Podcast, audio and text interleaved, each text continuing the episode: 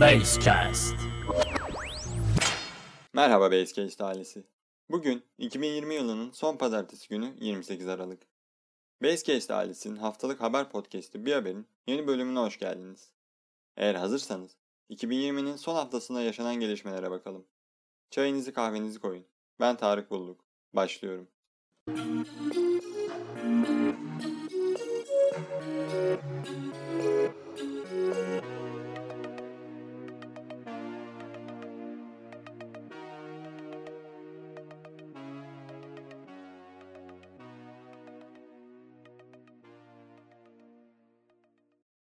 Bültenimize Türkiye'de yaşanan koronavirüs gelişmeleriyle başlayalım. Sağlık Bakanı Fahrettin Koca, Bilim Kurulu ile düzenlediği toplantıda Çinli Sinovac şirketinin geliştirdiği koronavak aşısının 27 Aralık pazar gecesi Türkiye'ye doğru yola çıkacağını açıkladı. Bilim Kurulu üyesi Profesör Doktor Sedat Ünal ise aşının etkinlik oranının %91,25 olduğunu ifade etti. Bilim Kurulu üyesi Profesör Ünal, aşının en kötü ihtimalle %71, en iyi ihtimalle de %97 koruyuculuk sağladığını aktardı. Fahrettin Koca, Pfizer-BioNTech aşısı ile ilgili olarak ise Mart sonuna kadar 4,5 milyon, sonrasında da ihtiyaç duyulması halinde 30 milyon doz aşı alınacağını açıkladı. Pandemi ile ilgili yaşanan bir diğer gelişme ise yurt dışından gelen yolcular için negatif test ibraz etme zorunluluğu getirilmesi. Sivil Havacılık Genel Müdürlüğü'nden yapılan açıklamaya göre negatif test ibraz etmeyen yolcular 7 gün karantinaya alınacak ve uygulama 1 Mart 2021'e kadar sürecek. Türk Hava Yolları Genel Müdürü Bilal Ekşi ise uçağa binmeden son 72 saatte alınmış negatif test sonuç belgesi isteneceğini duyurdu. Merkez Bankası bu sefer beklentinin üzerinde. Türkiye Cumhuriyeti Merkez Bankası politika faizini 200 bas puan artışla %17'ye çıkardı. Türkiye Cumhuriyeti Merkez Bankası'nın karar metninde enflasyon görünümüne dair risklerin bertaraf edilmesi, enflasyon beklentilerinin kontrol altına alınması ve dezenflasyon sürecinin en kısa sürede yeniden tesisi için 2021 yıl sonu tahmin hedefini göz önünde bulundurularak güçlü bir parasal sıkılaştırma yapılanmasına karar verildiği belirtildi. Ekonomistlerin beklentisi politika faizinin 150 bas puan artışla %16,50 seviyesine çıkarılacağı yönündeydi. Tüketici güveni Aralık'ta değişmeyerek 80,1'de kaldı. TÜİK ve Merkez Bankası birlikteliğiyle açıklanan Tüketici Güven Endeksi bu ay değişmedi. Gelecek 12 aylık döneme ilişkin hanenin maddi durum beklentisi endeksi Kasım ayında 79 iken Aralık ayında %0,2 oranında azalarak 78,9 oldu. Bu arada bir parantez açacak olursak, tüketici güven endeksi tüketicilerin kişisel mali durumları ve ekonomiye karşı olan değerlendirmeleriyle ilgilidir. Sıradaki haberimiz milyonlarca vatandaşı ilgilendiren bir haber. Asgari ücretle ilgili görüşmeler devam ederken, Türkiye İstatistik Kurumu temsilcisi bir işçinin asgari geçim tutarını hesapladı. Buna göre asgari geçim tutarının ağır işlerde çalışanlar için 2792 lira 10 kuruş, orta nitelikteki işlerde çalışanlar için 2507 lira 70 kuruş, hafif işlerde çalışanlar için 2339 lira 10 kuruş olarak hesaplandığını komisyonla paylaştı. Ekonomi haberlerini geride bırakalım ve ülkemizde yaşanan diğer gelişmelere göz atalım. Yeni başsavcılık görevlendirmeleri belli oldu. Hakimler ve Savcılar Kurulu kararnamesiyle Ankara Cumhuriyet Başsavcılığına Ahmet Akça, İstanbul Cumhuriyet Başsavcılığına Şaban Yılmaz getirildi. Ve Uber geri dönüyor. İstinaf Mahkemesi, Uber uygulamasına Türkiye'de erişim engeli getiren kararı hatalı buldu ve Uber, taksi ürünüyle Türkiye genelinde faaliyet göstermeye yeniden başlayabilecek.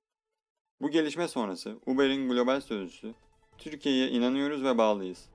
Uygulamamızı İstanbul'daki tüm yolcu ve sarı taksi şoförlerine sunmaya devam edeceğiz dedi. Samsung ve Oppo Türkiye'de üretime geliyor. Türkiye mobil telefon pazarının iki aktif oyuncusu Türkiye'de üretime başlıyor.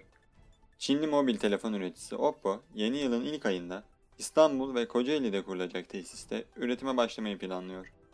Söz konusu yatırımın büyüklüğü 50 milyon dolara yaklaşıyor. Öte yandan Güney Koreli teknoloji şirketi Samsung'un da Türkiye'de üretim planladığı öğrenildi. Buna göre Samsung ilk etapta üretimi İstanbul'da kurulu bir alt yükleniciyle yapacak. Üretimin montaj ağırlıklı olacağı öğrenilen bilgiler arasında. Dünyada yaşanan koronavirüs gelişmeleriyle bültenimize devam edelim.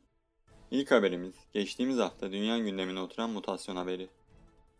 İngiltere yeni virüs türünün %70'e kadar daha bulaşıcı olabileceğini açıkladı. İngiltere Başbakanı Boris Johnson, başkent Londra dahil ülkenin güneydoğusunda son dönemdeki vaka artışlarının mutasyon geçirmiş yeni koronavirüs türünden kaynaklandığını açıkladı. Johnson, eldeki ilk verilere göre tespit edilen bu yeni türün eskisine kıyasla %70'e varan oranlarda daha bulaşıcı olabileceğini belirtti. Bu açıklamaların ardından ülkelerin İngiltere ile olan uçuşlarının durdurma haberleri peşi sıra geldi ve işlerinde Türkiye'nin de bulunduğu 40'tan fazla ülke İngiltere'den seyahatleri yasakladı. Avrupa İlaç Ajansı'ndan şartlı onay. Avrupa İlaç Ajansı, Pfizer-BioNTech'in koronavirüs aşısına şartlı onay verdiğini açıkladı. Koronavirüsün yeni varyantına karşı koruyup korumayacağına dair herhangi bir bilgi bulunmadığı için şartlı onay alan aşı ile Avrupa'da yaşayan 450 milyondan fazla kişi 27 Aralık pazar günü itibariyle aşılanmaya başladı. Amerika Birleşik Devletleri'nde 900 milyar dolarlık koronavirüs yardım paketi üzerinde anlaşma sağlandı.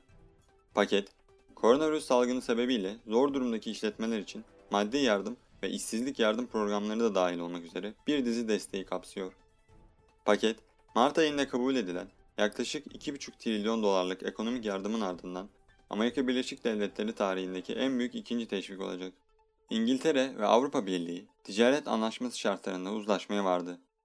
Anlaşma, İngiltere Başbakanı Boris Johnson ve Avrupa Komisyonu Başkanı von der Leyen arasındaki uzun ve zorlu görüşmelerin sonuna geldi. Henüz anlaşmanın çatısı ve detayları açıklanmazken Johnson düzenlediği basın toplantısında kapsamlı Kanada tipi bir serbest ticaret anlaşması yapıldığını aktardı. İngiltere'den bir yetkilinin basına verdiği bilgiye göre sıfır gümrük vergisi ve sıfır kota öngören Avrupa Birliği içindeki en büyük ticaret anlaşması gerçekleştirildi. Şu an 6. bölümünü dinlediğiniz podcast programımızda 3. kez Afganistan'dan gelen bir bombalı saldırı haberini veriyorum. Milletvekilinin konvoyuna bombalı saldırı gerçekleşti. En az 9 ölü, 20 yaralı. Afganistan'ın başkenti Kabil'de gerçekleşen bombalı saldırıda çoğu sivil en az 9 kişi yaşamını yitirdi ve İçişleri Bakanı Mesut Ander abinin aktardığı bilgilere göre aralarında milletvekili Muhammed Bardağ'ın da bulunduğu en az 20 kişi yaralandı. Saldırının sorumluluğunu üstlenen olmazken, olayın ardından yazılı bir açıklama yapan Cumhurbaşkanı Eşref Gani, saldırıyı kınadı ve Taliban örgütüne barış sürecinin devamlılığını sağlamak için sivilleri hedef almaktan vazgeçmesi ve ateşkese uyması çağrısında bulundu. Amerika Birleşik Devletleri Ticaret Bakanlığı, Çin merkezli 60'tan fazla şirketi kara listeye aldı. ABD Ticaret Bakanlığı, ulusal güvenliği koruma gerekçesiyle Çin merkezli 60'tan fazla şirketin kara listeye alındığını duyurdu. Bakanlığın kara listeye aldığı şirketler arasında ülkenin en büyük mikroçip üreticisi SMIC ve drone üreticisi DJI de bulunuyor.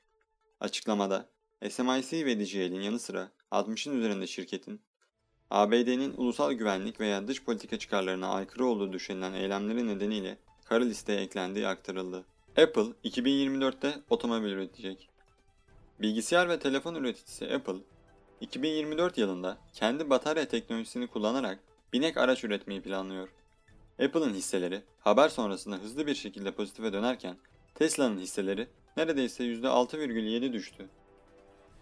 Pandemiden sonra yeşil bir ekonomik dönüşümün gerçekleşeceği beklentileriyle birlikte elektrikli araç piyasası da gün geçtikçe gelişiyor. Bültenimizin sonuna yaklaşırken spor dünyasında yaşanan gelişmelere bakalım. FIFA yılın en iyilerini seçti.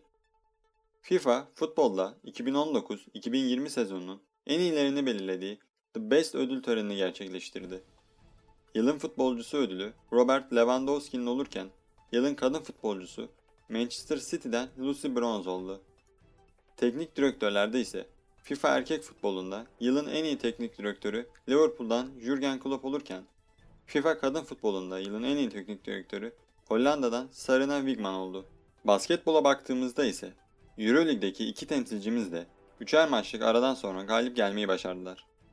Anadolu Efes İstanbul'da güçlü rakibi Barcelona'ya 86-79'luk üstünlük sağlayarak karşılaşmadan galip ayrıldı. Bir diğer temsilcimiz Fenerbahçe ise evinde yine güçlü rakibi Olympiakos'la karşılaştı ve maçtan 84-77 üstün ayrıldı.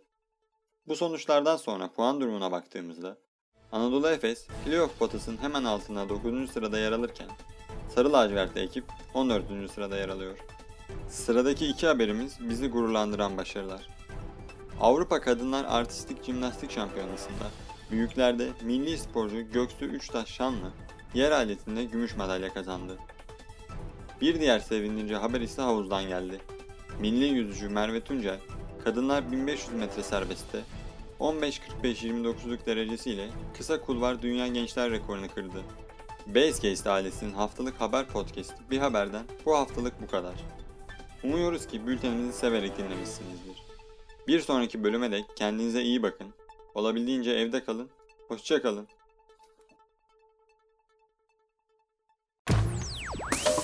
Basecast.